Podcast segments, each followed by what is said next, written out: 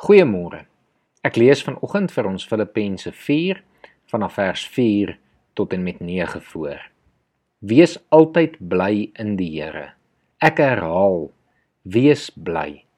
Wees inskikkelik teenoor alle mense. Die Here is naby.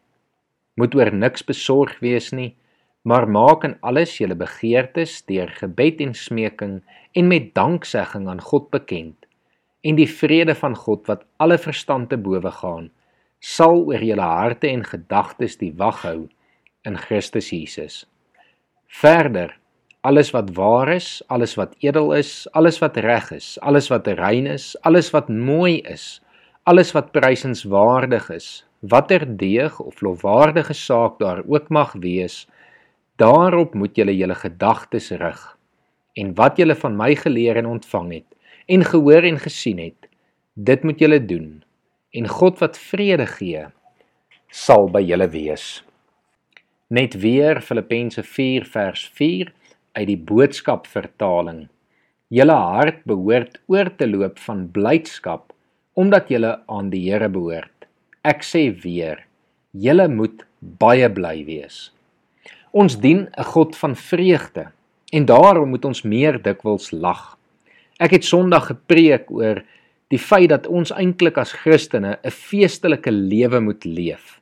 En kyk weer wat sê Paulus in hierdie vers Filippense 4 vers 4. Wees altyd bly in die Here. Ek herhaal, wees bly. As Christene moet ons daagliks bly wees in die Here. Ons vreugde moet in hom gesetel wees. Dan leef ons waarlik as kinders van die Allerhoogste. Humor is dus 'n noodsaaklike deel van ons lewe. Daar is glo navorsing wat bewys het dat mense wat gereeld lag langer leef en minder stres het as mense wat kromskouer loop en mor. Ook binne die kerk is humor nodig. Vir jare lank was dit eintlik so bietjie taboe om 'n grappie te maak in die kerk of in godsdienstige kringe. En natuurlik gaan dit in die kerk oor belangrike dinge, en dit is nie predikers se werk om mense te vermaak of om komediante te wees nie. Maar dit beteken ook nie dat Christene ewe stywe lip deur die lewe moet gaan nie. Nou die dag vertel iemand hoe 'n klein seentjie deur sy mamma se Bybel blaai en op 'n gedroogde blaar afkom. Dadelik vra die seentjie: "Mamma, is dit die vye blaar wat Adam gebruik het as klere toe hy kaal was in die tuin?" 'n dominee vriend wat 'n beroep aanvaar het, vertel hoe hy 'n ou tannie moes troos wat regtig gehuil het toe sy hoor hy gaan weg. Hy sê toe vir haar: "Ag tannie, hulle sal wel weer 'n oulike dominee in my plek beroep."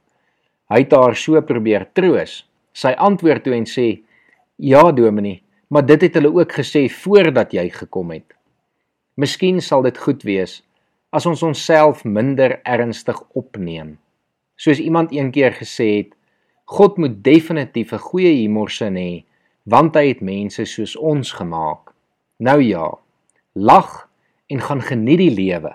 Lag en sien nuwe lig in die lewe. Wees bly in die Here en sien sy geregtigheid wat helder oor jou eie lewe skyn. Laat toe dat die Heilige Gees jou met sy vreugde vul en onthou om fees te vier elke dag. Kom ons bid saam. Here, dankie dat U ons ook geskep het om die lewe te geniet en dat dit binne in U wil val dat ons die lewe mag geniet. Here, maar ons kan dit ook nie ten volle geniet as U nie elke oomblik van elke dag in ons bewussyn is en daar by ons teenwoordig is nie. En daarom vra ons Here dat U deur U Gees ons sal vul met U vreugde en ons sal lei om so te lewe dat ons waarlik die lewe saam met U kan geniet. Amen.